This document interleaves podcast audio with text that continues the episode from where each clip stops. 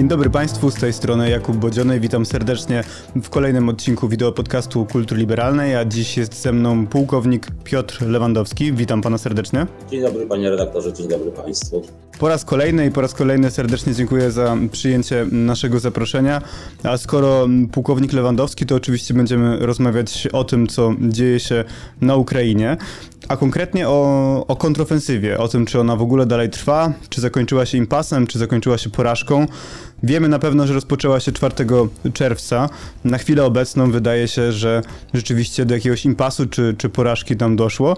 I po części mówi się, że przyznaje to również głównodowodzący ukraińskiej armii, czyli generał Walerii Załużny, powołując się na wywiad, którego e, portalowi czy tygodnikowi The Economist właśnie generał Załużny udzielił. Zaraz przejdziemy przez szczegóły tego, co zostało powiedziane, ale może zaczniemy od takiego pytania, czy pan się zgadza z tym, że rzeczywiście ta kontrofensywa zakończyła się porażką, ponieważ nie osiągnęła żadnego ze swoich celów? Jednym z celów w ogóle zwrotu zaczepnego, czyli, czyli kontrofensywy jest e, pozbawienie określonych zdolności przeciwnika i, i po części to się udało, dlatego że armia rosyjska w defensywie pozostawała przez ten najbardziej korzystny okres do, do podejmowania z kolei działań ofensywnych. Y, armii rosyjskiej znaczące straty zadano. Tutaj wątpliwości nie ma. Natomiast y, rzeczywiście głównych celów osiągnąć się nie udało. Przy czym y, komentujący trochę zapominają, że tak naprawdę my nie zdaliśmy i, i dalej nie wiemy, jakie były główne cele ukraińskiej ofensywy. Bo oczywiście przekaz polityczny był, to znaczy Krym i, i Donbas, ale nikt z wojskowych y, komentujących przygotowania i ten przekaz nie wpisywał się w narrację, że jest to możliwe jeszcze w tym roku. Że, że Krym pewnie może, ale kiedyś tam, y, a Donbas, gdyby się udało, to może w przyszłym roku, więc to był przekaz polityczny. Z tego, co powiedział Załużny, wynika, że jednym z głównych celów było zadanie armii rosyjskiej tak dużych strat, żeby zmusić ją do wycofania się z wojny. Przynajmniej tak powiedział. Ten cel finalnie też nie został osiągnięty, bo, bo Rosjanie bardzo płynnie przystąpili z kolei oni do zwrotu zaczepnego, więc nie udało się nawet y, tego celu osiągnąć. W związku z tym tak, ofensywa zakończyła się porażką mimo wszystko. No właśnie, tam był cytat z generała Załużnego, który potwierdza to, o czym przed chwilą wspomnieliśmy, czyli, że moim błędem było to, że sądziłem, że ponad 150 tysięcy strat, ponad 150 tysięcy martwych żołnierzy rosyjskich sprawi, że to zatrzyma wojnę. W każdym innym kraju taki rząd strat doprowadziłby do zatrzymania wojny, ale bądźmy szczerzy, Rosja jest państwem feudalnym, gdzie najtańszym surowcem jest ludzkie życie. Czy ja się nie, nie zgodzę ze stwierdzeniem, że w każdym innym kraju taki rząd strat doprowadziłby do zakończenia wojny? To jest troszeczkę takie budowanie narracji usprawiedliwiającej własne błędy, dlatego że jeżeli państwo dąży konsekwentnie do osiągnięcia celów poprzez działania militarne, no to jest gotowe ponosić olbrzymie straty. Więc y, ja znam co najmniej kilka państw jeszcze, które jest gotowe stracić dziesiątki tysięcy, jeśli nie setki żołnierzy, żeby osiągnąć cele. Rzecz w tym, że no, Rosja nie jest w stanie osiągnąć tych celów, które założyła obecnie i może w ten sposób interpretując słowa generała Załużnego, że zadać Rosji olbrzymie straty w sytuacji, kiedy ona z głównych swoich celów strategicznych, czyli przypomnijmy de facto zajęcia i podziału Ukrainy, bo często zapominamy, jaki był cel wojny, czy też specjalnej operacji wojskowej, jaką Rosja w ich narracji zaczęła.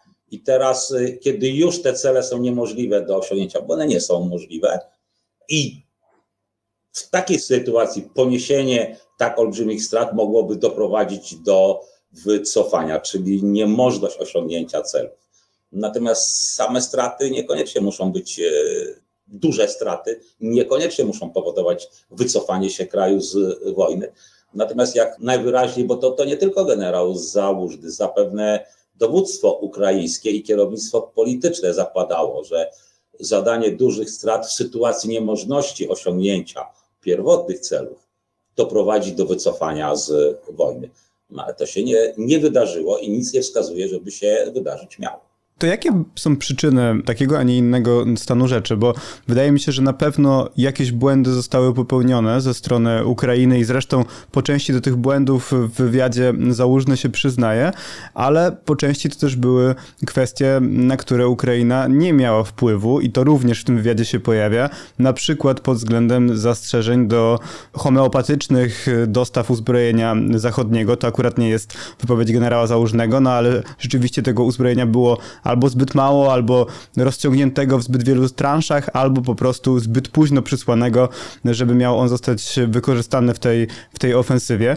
To jak pan to postrzega w takim razie? Jeżeli byśmy liczyli w sztukach, co jest bzdurą, bo uzbrojenia na współczesnym polu walki się nie liczy w sztukach. To, to nie są dzidy, które możemy liczyć w sztukach. Sprzętu było dużo, natomiast y, sprzęt był po części przestarzały. Ja wielokrotnie mówiłem o tym, że pojazdy typu MRAP, czy de facto taksówki opancerzone, czyli M113, nazywane transporterami obecnie, no, jest dyskusyjne, czy to nadal jest transporter opancerzony jeszcze, ale to, to nie są pojazdy zapewniające stricte zdolności ofensywne. Pojazdy de facto rozpoznawcze z armatami 105, czyli AMX-y nazywane optymistycznie lekkimi czołgami, żadnymi czołgami nie są też nie zapewniają zdolności ofensywnych. Ale mimo wszystko Ukraina trochę tego sprzętu dostała. Dostała dużo czołgów, może nie tyle natowskich, które by chciała, ale dostała sporo czołgów postradzieckich, w tym od Polski. I mimo wszystko Ukraina zgromadziła do działań ofensywnych, policzmy, dwa korpusy, bo tak podawali sami, dziewiąty i dziesiąty, każdy dziewięciobrygadowy, czyli 18 brygad, z których część wyposażona była jednak w czołgi nowoczesne, część w czołgi porównywalne z rosyjskimi. Dalej, dziewięć, dziewięć brygad szturmowych sformowanych przez Gwardię Narodową w ramach korpusu ofensywy, czyli mamy 18 plus 9. Do tego brygady artylerii, które skierowano do tych działań ofensywnych. W odwodzie strategicznym pozostawały nie mniej niż trzy brygady pancerne, które Ukraina używała bardzo ostrożnie, więc możemy przyjąć, że one miały pełne stany. Do tego należy doliczyć brygady, które w rejonie działań już pozostawały w styczności z armią rosyjską, czyli nie mniej niż 9-10 kolejnych brygad. To są olbrzymie siły. No, ale to panie pułkowniku, tak jak pan powiedział, to są olbrzymie siły wykorzystane na front miał mniej więcej 400 kilometrów, jak rozumiem, a Ukraińcom najgłębiej udało się wejść na 20-25 kilometrów w głąb tych pozycji rosyjskich. Dlaczego w takim razie te siły zostały tak, e, jak rozumiem, no po prostu błędnie wykorzystane? Teraz no, no musimy wrócić do wielokrotnie już rozważanych warunków udanej ofensywy. No i oczywiście pierwsze, powtarzane wielokrotnie, przewaga w lotnictwie i tak dalej. Z tym, że dowództwo ukraińskie wiedziało, że tej przewagi nie ma i mieć nie będzie. Więc tego warunku spełnić nie mogło, z tym, że nie spełniono wielu innych warunków, na przykład zaskoczenie. Jednym z warunków powodzenia tego zwrotu zaczepnego jest zaskoczenie. Nie było żadnego zaskoczenia. Armia ukraińska uderzyła dokładnie tam, gdzie jej, gdzie jej się spodziewała armia rosyjska. Mało tego, prowadziła wcześniej działania przygotowawcze, które de facto demaskowały kierunki uderzeń.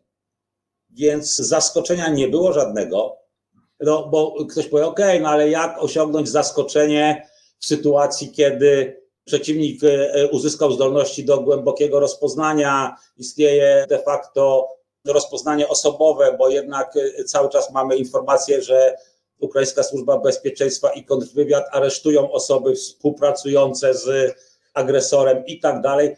No, są działania mylące, są działania maskujące. Armia ukraińska takich działań w ogóle nie podjęła, nie próbowała nawet. Nie próbowała nawet zmylić Rosjan co do głównych kierunków uderzeń. W mojej ocenie tego się usprawiedliwić nie da. Po prostu. Pamięta pan redaktor, kiedy ofensywa ruszyła, rozmowy, czy to naprawdę te kierunki, czy być może. No nie, no to były kierunki od pierwszego dnia ofensywy do jej ostatniego dnia to były te same kierunki. Tak, to przypomnijmy tylko, rzeczywiście były trzy kierunki główne tej kontrofensywy. Jedna wzdłuż rozlewiska Dniepru, druga taka centralna i trzecia, czyli ta na odcinku zaporowskim. I na tym odcinku zaporowskim rzeczywiście na początku Ukraina odnosiła największe sukcesy. Tak, przy czym był jeszcze Bachmut. Tak, tak, tak, oczywiście. Tak naprawdę uderzono na czterech kierunkach, przy czym ten czwarty był na tyle odległy, że miał relatywnie niewielki wpływ mimo wszystko na to, co się dzieje na Zaporożu. I te uderzenia rzeczywiście ruszyły. Najbardziej się powiodło to, to trzecie, które miało miejsce w, w rejonie Wielkiej Nowosiłki, z tego co pamiętam, dlatego że ono uderzyło w styk dwóch grup armii. Czyli to jest takie, takie doktrynalne miejsce uderzenia, ponieważ tam są największe problemy we współpracy sztabów, bo to jest granica e, odpowiedzialności dwóch sztabów najwyższego szczebla, no poza sztabem generalnym oczywiście. I, i tutaj e, Ukraińcy uzyskali powodzenie, które nie zostało wykorzystane. Przez dwa dni szli do przodu. Rosjanie rozpaczliwie wręcz usiłowali skoordynować obronę tam, Łącznie z tym, że rosyjscy generałowie stali, stali na drogach i, i dosłownie pokazywali palcem, gdzie która kolumna jechać ma. To nie zostało wykorzystane. Uderzenie wzdłuż Dniepru po początkowym powodzeniu zostało zatrzymane, kiedy dotarło do, do lepiej umocnionych obszarów i tam nie, nie było wsparcia tego uderzenia. Ono się zatrzymało i tam po prostu utknęło i ono przez większość ofensywy tam, tam tkwiło. No i to uderzenie centralne, które miało mieć charakter ewidentnie rozcinający. Z analizy jak gdyby późniejszych działań dowództwa ukraińskiego wynika, że ono miało być główne, ono miało być rozcinające ugrupowanie rosyjskie. No z tym, że tam z kolei się kłania ekonomia sił, tam tych brygad było dużo, no ale te brygady ze względu na pola minowe, ze względu na olbrzymie problemy z koordynacją, to wypływało w, nawet w narracji po stronie ukraińskiej, że są olbrzymie problemy ze skoordynowaniem działań. Dlaczego? Dlatego, że ukraińskie bataliony czy kompanie, które nacierały, one musiały nacierać po podejściu z głębi, czyli nie było czegoś takiego jak zajęcie rejonu wyczekiwania, potem rubieży rozwinięcia i przystąpienie do ataku, dlatego że to by się działo w zasięgu rażenia rosyjskiej artylerii, a Rosjanie bardzo mocno rozbudowali swoje rozpoznanie, porównując z tym, co mieli na początku roku, więc Ukraińcy ruszali kilkadziesiąt kilometrów od miejsca, w którym wchodzili do walki. No i teraz te kolumny musiały pokonać kilkadziesiąt kilometrów, często w trudnym terenie, co wymaga bardzo dobrej łączności, łańcucha dowodzenia, sztab batalionu, który jest w ruchu często, dowódcy kompanii, niżej do dowódcy plutonów, dowódcy załóg pojazdów potem. Na to się nakłada rozpoznanie, do tego dochodzi e, koordynacja z działaniami artylerii. Niestety to funkcjonowało słabo. Rosjan notabene też ale rozmawiamy na razie o armii ukraińskiej. To właśnie chciałem dopytać, z czego to wynika, bo wydaje mi się, że po części wojskiem ukraińskim dowodzą trzy różne generacje dowódców, tak? To znaczy te osoby, które były weteranami ATO, czyli tej operacji antyterrorystycznej, osoby jeszcze z tego sowieckiego wyszkolenia, a teraz jeszcze osoby wyszkolone przez NATO. Tak, przy czym tutaj jeszcze trzeba pamiętać, że w tym obszarze tych o których mówimy, tych, tych postradzieckich jeszcze oficerów, jest całe pokolenie wychowanych przez nich ludzi, którzy mentalnie pozostali. Więc tu, tu bardzo często nie decyduje wiek jeszcze, tylko no, podejście do służby, jej przebieg i tak dalej. I ich jest najwięcej, rozumiem, tak? Tak, tak. Umownie mamy, mamy trzy grupy i teraz gdyby najwartościowszą częścią w pierwszej fazie wojny armii ukraińskiej byli właśnie oficerowie z doświadczeniem z ATO, którzy jak gdyby jeszcze nabywali dodatkowych e, kwalifikacji, przechodząc szkolenia natowskie, specjalistyczne. I armia ukraińska takich oficerów sporo miała, na, na szczeblu głównie taktycznym, ale ponieważ był to szczebel głównie taktyczny, większość tych oficerów albo zginęła, albo awansowała na wyższe stanowiska. I teraz ci, którzy ich zastępowali, tak jak pan redaktor mówił, albo byli to powołani rezerwiści, czyli ludzie, którzy mentalnie często tkwili w systemie poprzednim jeszcze, albo bardzo szybko awansowani tak zwani oficerowie pola walki, czyli ludzie, którzy, którzy mieli kompetencje, ale nie mieli kwalifikacji, bo nie, nie mieli szans ukończenia kursu właśnie choćby koordynowania ognia. I jeszcze na tym etapie to, to o tyle funkcjonowało, że, że ci oficerowie pola walki nadrabiali to często wolą walki. Z reguły byli to ludzie o odpowiednich uzdolnieniach, no ale przyszła kolejna faza, czyli ludzie już nie ochotnicy, nie ci awansowani y, weterani, tylko po prostu ludzie po bardzo krótkich kursach z poboru. I armia ukraińska w tej chwili w znakomitej części jest armią żołnierzy, których, którzy są żołnierzami z poboru, czyli de facto których zmuszono do wstąpienia do sił zbrojnych, bo pobór działa tak. I tu, tu wola walki różna jest jednak. No, szczególnie wydaje mi się, że kiedy obserwujemy właśnie jak taka kontrofensywa przebiega, to znaczy, że na przykład odbijemy jakąś, odbijamy jakąś miejscowość, czy nawet nie konkretnie miejscowość, bo chyba w przypadku robotynnego, dobrze, dobrze pamiętam, chodziło o, o drogę, która prowadziła do tej miejscowości, czy przez tę miejscowość.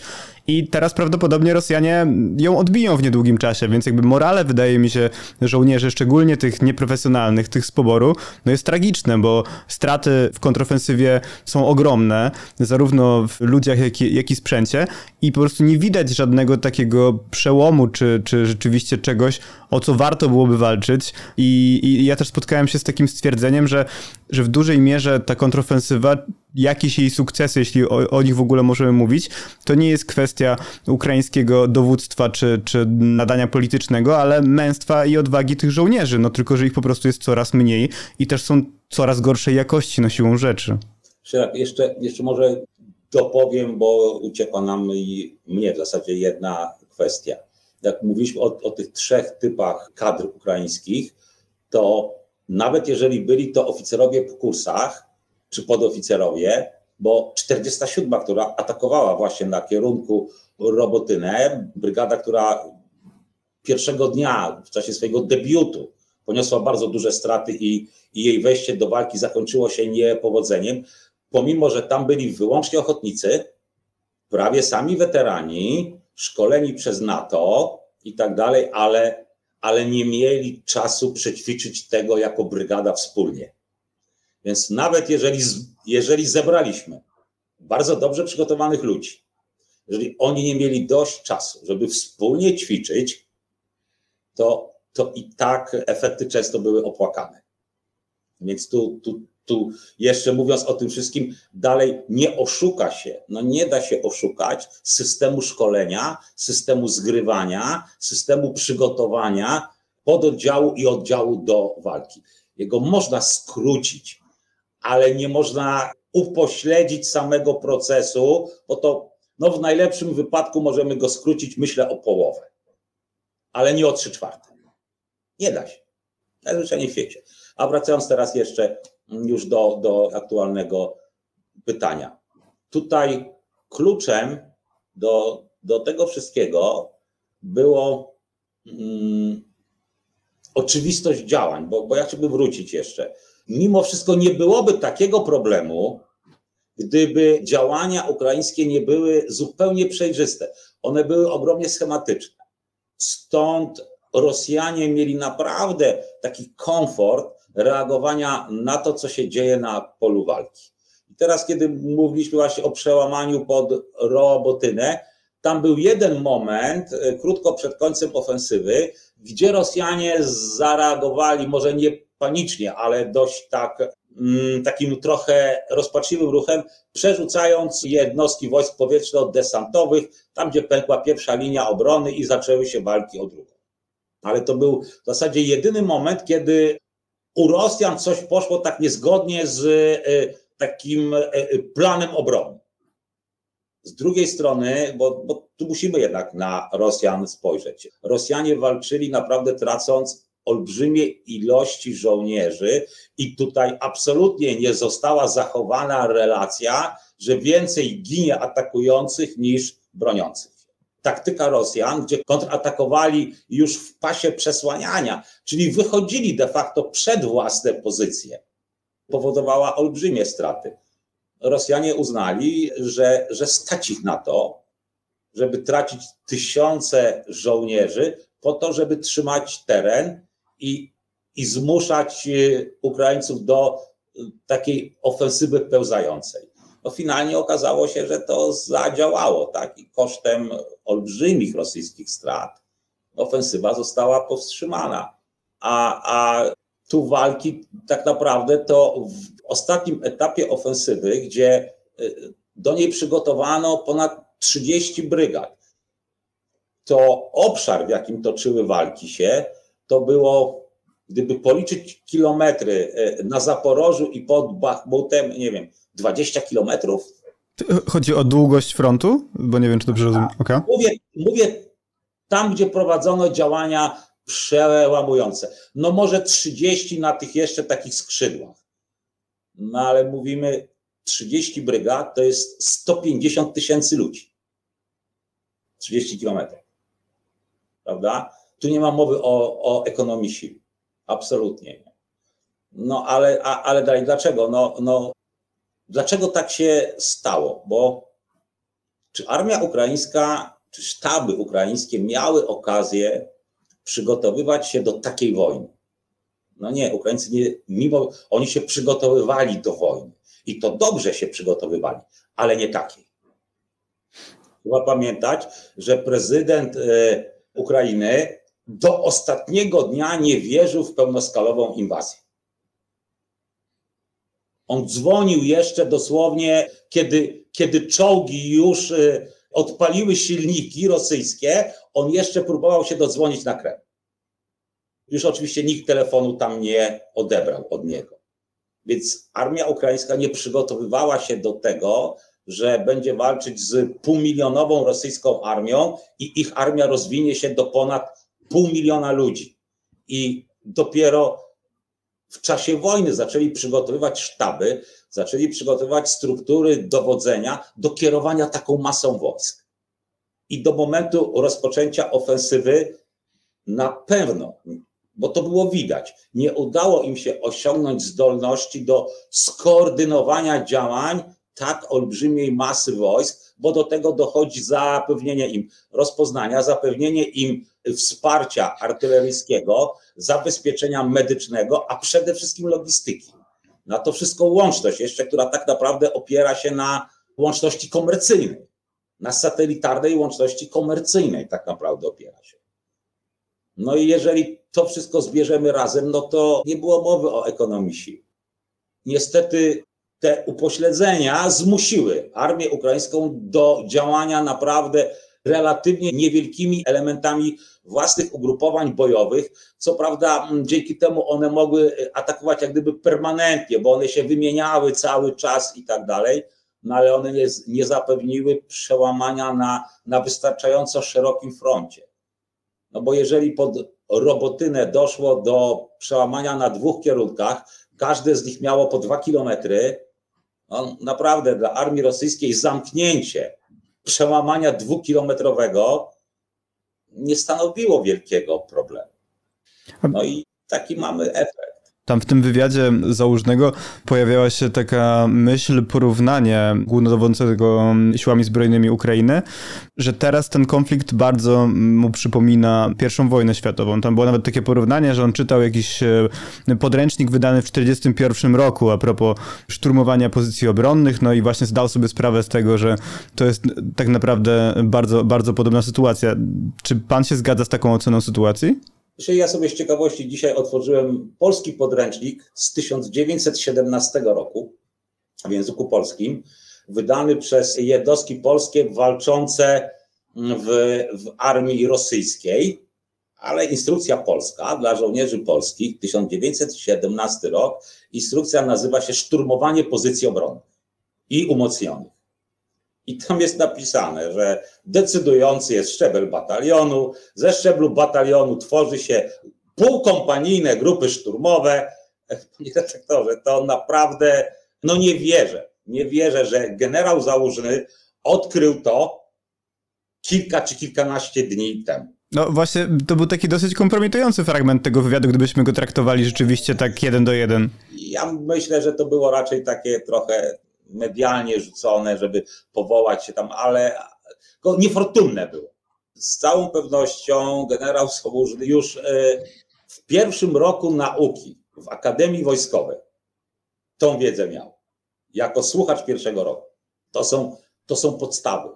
No, no tu, tu jak gdyby nie, ja absolutnie mówiąc kolokwialnie nie kupuję narracji, że przeczytał i o proszę odkrył, że tak to wygląda. Zaskoczeniem mogło być tylko to, że to wróciło w takiej skali. Nie jak to się robi, tylko że wróciło aż w takiej skali. No tak, bo, bo, inaczej to by oznaczało, że nawet te podstawy nie zostały odrobione w stopniu odpowiednim. No, ofensywa została moim zdaniem źle zaplanowana, a w swoim czasie czytałem wspomnienia jednego z niemieckich generałów i on tam napisał, że Bóg wojny nigdy nie wybacza błędów popełnionych na etapie planowania. A tu były, tu były błędy, tu były błędy zrobione na, na, na etapie planowania właśnie i z czego one wynikały, nie wiem, bo ja mógłbym się domyślać, ale, ale to będzie konfabulacja. Błędy zostały zrobione ewidentnie, no choćby właśnie dlatego, że nie przeprowadzono żadnych, żadnych działań mylących. Dosłownie do, no, nacierali, armia ukraińska y, dokładnie uderzyła tam, gdzie spodziewali się ich Rosjanie, tam, tam gdzie mieli skoncentrowaną artylerię, tam gdzie mieli przygotowane zapasy do odparcia tej ofensywy tam, gdzie mieli skoncentrowane lotnictwo szturmowe. No, pamiętamy działania śmigłowców rosyjskich w pierwszych dniach ofensywy. Myślę, że dowództwo ukraińskie zakładało, że zada tak znaczące straty właśnie rosyjskiej armii, nawet kosztem własnych, że zmusi to Rosjan do wycofania się. No nic takiego nie stało się. Rosjanie rękawice podjęli, byli gotowi tracić tysiące własnych żołnierzy w tych kontr, kontratakach. Ja myślę, że tutaj mocno dowództwo ukraińskie liczyło na wolę walki własnych żołnierzy i tu się nie zawiodło. Powiem, że jedyne tutaj, co zadziałało tak, jak było w planie, to była wola walki żołnierzy ukraińskich. To była jedyna rzecz, która zadziałała zgodnie z planem. Bo to mi troszeczkę przypomina scenariusz, który pamiętam e, z Bachmutu. I tam się mówiło, było nawet takie porównanie dosyć makabryczne, ale maszynka do mielenia mięsa. Czyli, że tam opór ukraiński ma tak długo sens i dlatego zdecydowano się tak długo bronić tego miasta, raczej tego, co z niego pozostało, dopóki te straty rosyjskie będą na tyle duże, że będą oddziaływały na korzyść e, pozycji Ukrainy. I tutaj de facto mamy bardzo podobny scenariusz. Czyli też po prostu, tylko że z wyłączeniem tego, że de facto żadnej dużej miejscowości, albo żadnej nawet miejscowości większej nie udało się Ukrainie zdobyć i, i, i te, te, walki się toczyły właśnie o jakąś jedną drogę, o pas ziemi, o te kilka kilometrów, no takie właśnie scenariusze znane z I wojny światowej, czyli walki pozycyjnej o, o konkretne jakieś pasy błota. Znaczy tu ja myślę jednak, że dowództwo ukraińskie y, prowadząc te takie uporczywe działania szturmowe liczyło, liczyło na to, że uda, uda się jednak na tyle głęboko y, wejść w ugrupowanie obronne rosyjskie, że y, pozwoli im to przestrzeliwać artylerią całą głębokość ugrupowania rosyjskiego na Zaporożu. Mówię o artylerii lufowej. Sądzę, że liczyli na to. No, wtedy rzeczywiście Rosjanie mieliby poważny problem, o dlatego że nie byłoby bezpiecznego miejsca dla e, koncentrowania odwodów i tak dalej. Straciliby znaczną część zapasów zgromadzonych właśnie do odpierania ofensywy. Więc myślę jednak, że armia ukraińska nie szła dosłownie na wyniszczenie, bo jednak no, oni byli stroną atakującą. Liczyli na zadawanie Ros Rosjanom dużych strat, ale to Bachmut był faktycznie takim miejscem, gdzie Ukraina poszła na, na walkę na wyniszczenie. Mimo wszystko ta ofensywa jednak nie, bo ona została zatrzymana e, w momencie, kiedy Ukraińcy uznali, że nie uda się osiągnąć tych, tych celów e, terenowych. Czyli jednak celem były, było uzyskanie dogodnych pozycji do, myślę, kolejnego etapu później, bo y, tu musimy pamiętać, że armia ukraińska nie poniosła aż takich strat, które y, jakoś obecnie upośledziły ich zdolności do, do kontynuowania wojny. Jednak brygady były mm, często rotowane. To nie była sytuacja właśnie Bachmutu, gdzie kilka brygad ukraińskich praktycznie przestało istnieć. One musiały być wycofane bardzo głęboko i, i odbudowane prawie od nowa. To nie była sytuacja wcześniej e, z Jewierodoniec, gdzie też Ukraińcy ponieśli bardzo ciężkie straty podczas takiej uporczywej obrony tam. Więc mimo wszystko jednak nie poszli na taką dosłowną walkę na wyniszczenie. Chcieli to osiągnąć, ale nie za wszelką cenę. Bo pierwszy rzut, y, który nacierał, został wycofany y, w momencie, kiedy brygady zaczęły odczuwać zmęczenie walką. I, I drugi rzut, on walczył trochę dłużej, potem był wzmocniony brygadami szturmowymi, tymi właśnie z korpusu ofensywy, ale, ale też mimo wszystko Ukraińcy nie, nie atakowali tak, jak Rosjanie pod Awdijewką obecnie, tak? No, no początki takie były, ale to był jeden dzień. Potem, jak gdyby, kiedy drugi rzut wchodził, zdarzyło się w kilku sytuacjach, że ukraińskie kompanie wpadły w zasadzki przeciwpancerne, ale absolutnie to nie był ten poziom rzezi. Więc jednak się nie zgodzę z tym, mm, z taką tezą, że Ukraińcy poszli tutaj dosłownie na wyniszczenie. Chcieli zadać możliwie duże straty, ale jednak dalej głównym celem ostatniego etapu ofensywy, kiedy już wiedzieli, że nie rozetną tego ugrupowania, był jednak gdzieś tokmak, prawda, wyjście na tyle w głąb, żeby mieć bardzo korzystne pozycje do, do kolejnej fazy ofensywy.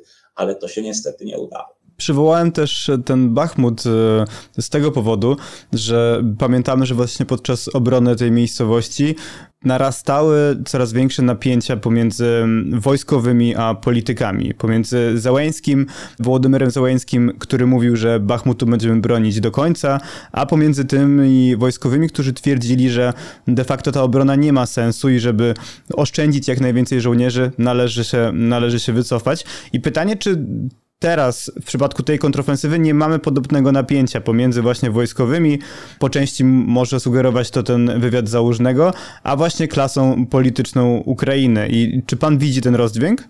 Ja przede wszystkim mam wrażenie, że pod Bachmutem dowodził bardziej Syrski niż Załużny, wydaje mi się. To prawda. W tym okresie, co jest znamienne, Załużny był jednak znacząco mniej widoczny i mniej aktywny.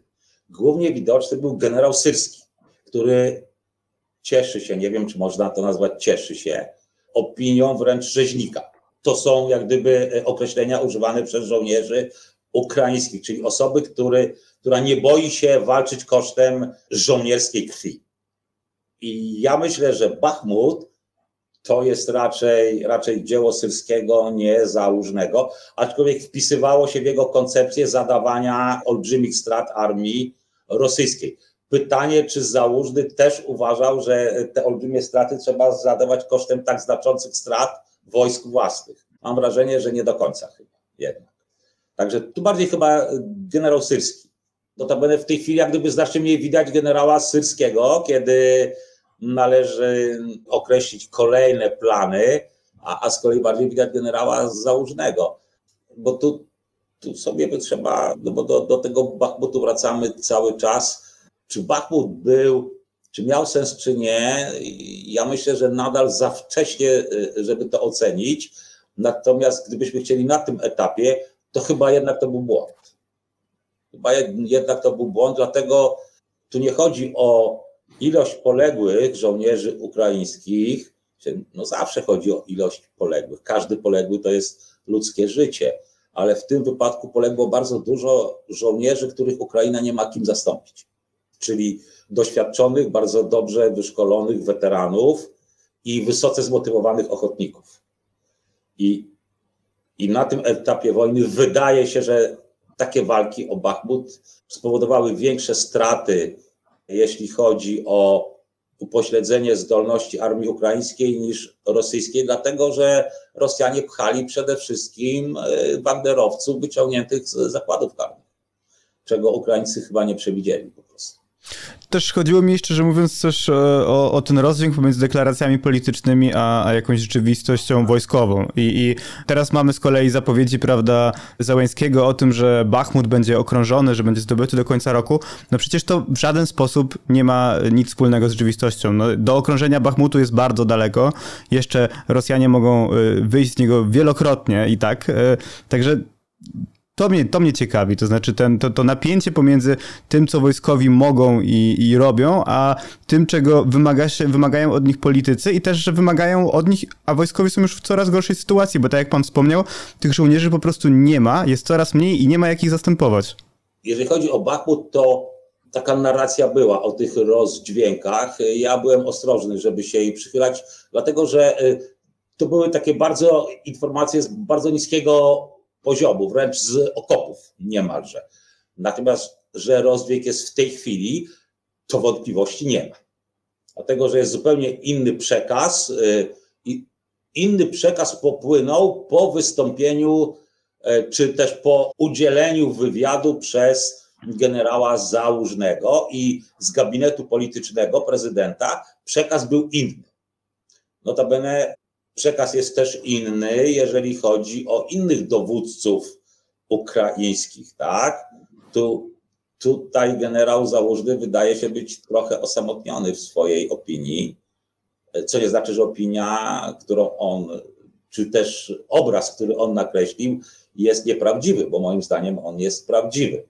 Natomiast tu nie bardzo ktoś go wspiera w tym, bo finalnie moim zdaniem, e, oceniając to z perspektywy już kilku, kilku dni, to był błąd. To był błąd. Tak uważam. Z całym szacunkiem dla generała ukraińskiego, który, który publicznie wziął na siebie winę, tylko że to nie poprawiło sytuacji, a wręcz ją pogorszyło. Ja myślę, że żołnierzom ukraińskim bardziej zależy, żeby usłyszeć, jaki jest plan wygrania wojny, a nie publiczne e, biczowanie się najważniejszego dowódcy. Moim zdaniem to był błąd. To jeszcze w takim razie dopytam, bo mamy obecnie bardzo ciężkie walki pod Awdijiwką. Tam, jak pan wspomniał, Rosjanie przypuszczają e, bardzo intensywne ataki, tracąc też bardzo wiele sprzętu e, i żołnierzy. Natomiast czy w takim razie z tego, co, co się rysuje obecnie i w takiej najbliższej przyszłości, czy pan ten plan widzi ze strony Ukrainy? Czy widzi pan ten plan, który rzeczywiście ci żołnierze mogliby zobaczyć na, na wygranie wojny, na, na jakiegoś rodzaju zwycięstwo?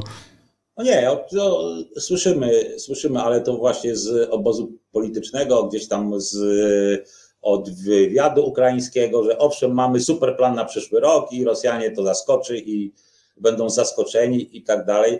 No okej, okay, tylko jeżeli to jest plan atakowania dronami portów, i e, rozwinięcia partyzantki, to, to nie jest plan na wygranie wojny. No bo, bo to są działania, które jak najbardziej wspomagają tą, tą drogę do zwycięstwa, ale tej drogi nie, nie zapewnią. Natomiast czy obecnie możliwości są? Moim zdaniem sytuacja na dzisiaj jest taka, że żadna ze stron nie jest w stanie tej wojny wygrać. Ani Ukraińcy, ani Rosjanie żadna ze stron obecnie nie ma potencjału pozwalającego im na wygranie tej wojny. Przy czym sytuacja armii ukraińskiej może się znacząco pogorszyć, patrząc na to, co się dzieje w Stanach Zjednoczonych i w niektórych państwach europejskich, jeśli chodzi o pomoc wojskową. Szczególnie Stanów Zjednoczonych. Mówi pan, jak rozumiem, zarówno w kontekście wyborów prezydenckich, jak i toczącej się wojny pomiędzy strefą Gaza a Izraelem. Mówię w kontekście tego, że kończą się pieniądze, a nowych nie ma. Po prostu na razie. Wydaje mi się, że w dużej mierze jest to kwestia jednak woli politycznej. Tak, trochę. Mm, e, oczywiście związane jest to z tym, co pan redaktor powiedział, ze zbliżającymi się wyborami prezydenckimi w Stanach Zjednoczonych i dywersyfikacji uwagi amerykańskiej na konflikt na, na Bliskim Wschodzie, oczywiście.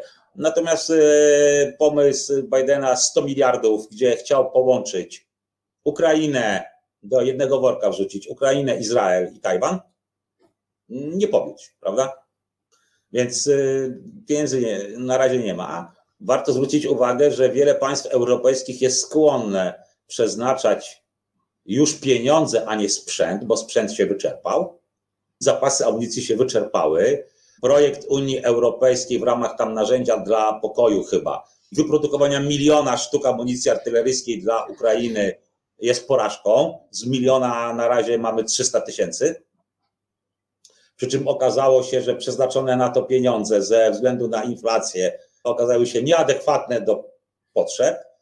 Więc tu, tu, tu niestety nie miliona 300 tysięcy i nie wiadomo. Więc prawdopodobnie pomoc zacznie wyglądać tak, tak jak to za, zaoferowała ostatnio Francja. Pakiet pomocowy, ale to są pieniądze, za które rząd ukraiński może kupić uzbrojenie w francuskich fabrykach. Czyli te pieniądze de facto pozostaną we Francji u, u producentów uzbrojenia, a to uzbrojenie dopiero zostanie wyprodukowane. Czyli tak naprawdę mówimy o pomyśle już po wojnie, a nie na kontynuowanie wojny. No właśnie, no ale tak zimno kalkulując, jeśli rzeczywiście żadna ze stron nie ma możliwości dokonania jakiegoś przełomu na froncie, no to patrząc ze strony y, sojuszników Ukrainy, logiczne byłoby namawianie właśnie y, Załęskiego do, do jakiegoś rodzaju rozmów. Tylko to jest dla mnie o tyle tragiczne, że równie dobrze można byłoby te rozmowy podjąć, nie wiem, pół roku temu, tak? Bo de facto ten stan terytorialny niespecjalnie się zmienił, zginęło po prostu, zginęła po prostu masa ludzi, więc jest jakiś sens w tym argumencie. Ja rozumiem, że dla Ukrainy i Ukraińców on jest bardzo, byłby bardzo trudny do, w ogóle do zaakceptowania, ale no taki czysto jakiś moralny i logiczny sens jak najbardziej da się tutaj znaleźć. Tak, tylko ja bym chciał bardziej spojrzeć na to z punktu militarnego niż y, politycznego, bo militarnie czy, czy Rosji się na tym etapie opłacałoby podpisanie pokoju, bo jeżeli położą się, mówiąc kolokwialnie, dostawy amunicji, szczególnie artyleryjskiej, dla Ukrainy, to, to Ukraina zacznie przegrywać wojnę. jeżeli w tym momencie będzie chciała rozpocząć rozmowy pokojowe, no, rozmowy pokojowe to się zaczyna wtedy, kiedy się czuje silniejszym, a nie słabszym, jeżeli chcemy uzyskać cokolwiek, tak? No jeżeli zaczynamy rozmowy pokojowe, jeżeli jesteśmy słabsi i przeciwnik o tym wie, no to, to niestety to są rozmowy ustępstw, czyli być może nawet gorsze warunki niż by się uzyskało wcześniej. Więc y, y, kwestia jest taka, żeby Ukraina, jeżeli przystępowała do rozmów, to nie w pozycji, że, że jej na przykład zabrakło amunicji. Notabene jak jesteśmy przy amunicji, bo ona się zrobi kluczowa. Naprawdę, jeżeli jeżeli amunicja przestanie płynąć, a, a zużycie, mówimy o dziesiątkach tysięcy miesięcznie, a Ukraina na pewno nie ma dużych zapasów, bo dopiero co zakończyła działania ofensywne i zużywa olbrzymie jej ilości pod Awdijewką, pod Bachmutem, pod Marinką, pod Kupiańskiem, bo, bo to nie jest tylko Awdijewka przecież. Więc e, jeżeli ta amunicja nie zacznie płynąć, albo zacznie płynąć strumyczkiem znacząco węższym, jeżeli w tym momencie Ukraina będzie chciała przystąpić do rozmów pokojowych, no pytanie, czy, czy Rosja będzie chciała, prawda? A teraz jeszcze y, warto zwrócić uwagę odnośnie amunicji, taka ciekawostka. No, panie redaktorze, co prawda mm, Unii Europejskiej nie udało się zapewnić miliona, pewnie nie uda, bo tam ten milion miało spłynąć do końca marca chyba ale jak gdyby y, produkcja na eksport idzie bez y, zakłóceń. 40% produkcji amunicji europejskiej dalej idzie na eksport zgodnie z, z zawieranymi kontraktami i to jak gdyby jedno z drugim wcale sprzeczności nie jest, żebyśmy mieli świadomość, że, że kraje wspierające nie rzucają wszystkiego i nie lecą kosztem własnych budżetów czy zbrojeniówki y, wspierać armię ukraińską to Polska tak optymistycznie powiem, że zaczęła sprzętem rzucać, tak? No ale to wracamy znów do tego, że to jest kwestia woli politycznej, której nie ma albo która się wyczerpuje na Zachodzie. Ale to jest zawsze kwestia woli politycznej, panie redaktorze. Dla zbrojeniówki zerwanie, no przecież mówimy o, o znaczącej większości w zakładach y, olbrzymich koncernów. Jeżeli, jeżeli rząd danego kraju podejmie decyzję, dobra, zrywacie kontrakt my płacimy za wasze szkody, a tą amunicję wysyłacie na Ukrainę, no to jaki problem dla, dla firmy, prawda? Przerzucić produkcję na, na Ukrainę, jeżeli to nie będzie się wiązało ze znaczącymi stratami dla, dla firmy. A nic takiego nie dzieje się, nic takiego się nie stanie raczej. Natomiast dalej, bo, bo mimo wszystko to jest pokłosie tej nieudanej ofensywy. Dlatego, że jednak ona miała legitymizować sens dalszego wspierania Ukrainy w wojnie. I dlatego mówię, że to przemówienie, które będzie się historycznie wiązać z tą ofensywą, ono jeszcze podkreśliło porażkę. Stąd uważam, że. Mówi pan o tym wystąpieniu założnego, tak? tak? tak o tak. wywiadzie. Ono, mhm. ono było pomysłem fatalnym. Oceniając z perspektywy iluś dni, to był zły pomysł. Więc y, no, to wsparcie moim zdaniem nie będzie rosło. Ono, ono zacznie maleć. Zacznie po prostu no. maleć. Albo, albo przekształci się w takie wsparcie lider finansowe, czyli ok, damy wam pieniądze, jak kupicie u nas. No, a bez tego, bez tego Ukraina tej, tej wojny nie wygra. Tym gorzkim akcentem niestety musimy dzisiaj kończyć. Bardzo dziękujemy panu pułkownikowi, że po raz kolejny zgodził się być naszym gościem. Dziękuję bardzo. Dziękujemy też państwu, że byliście dzisiaj z nami. Program wydawała i realizowała Zofia Majchrzak, a powstał on tylko dzięki waszemu wsparciu, za które serdecznie dziękuję. A my widzimy i słyszymy się już niedługo. Do zobaczenia i do usłyszenia.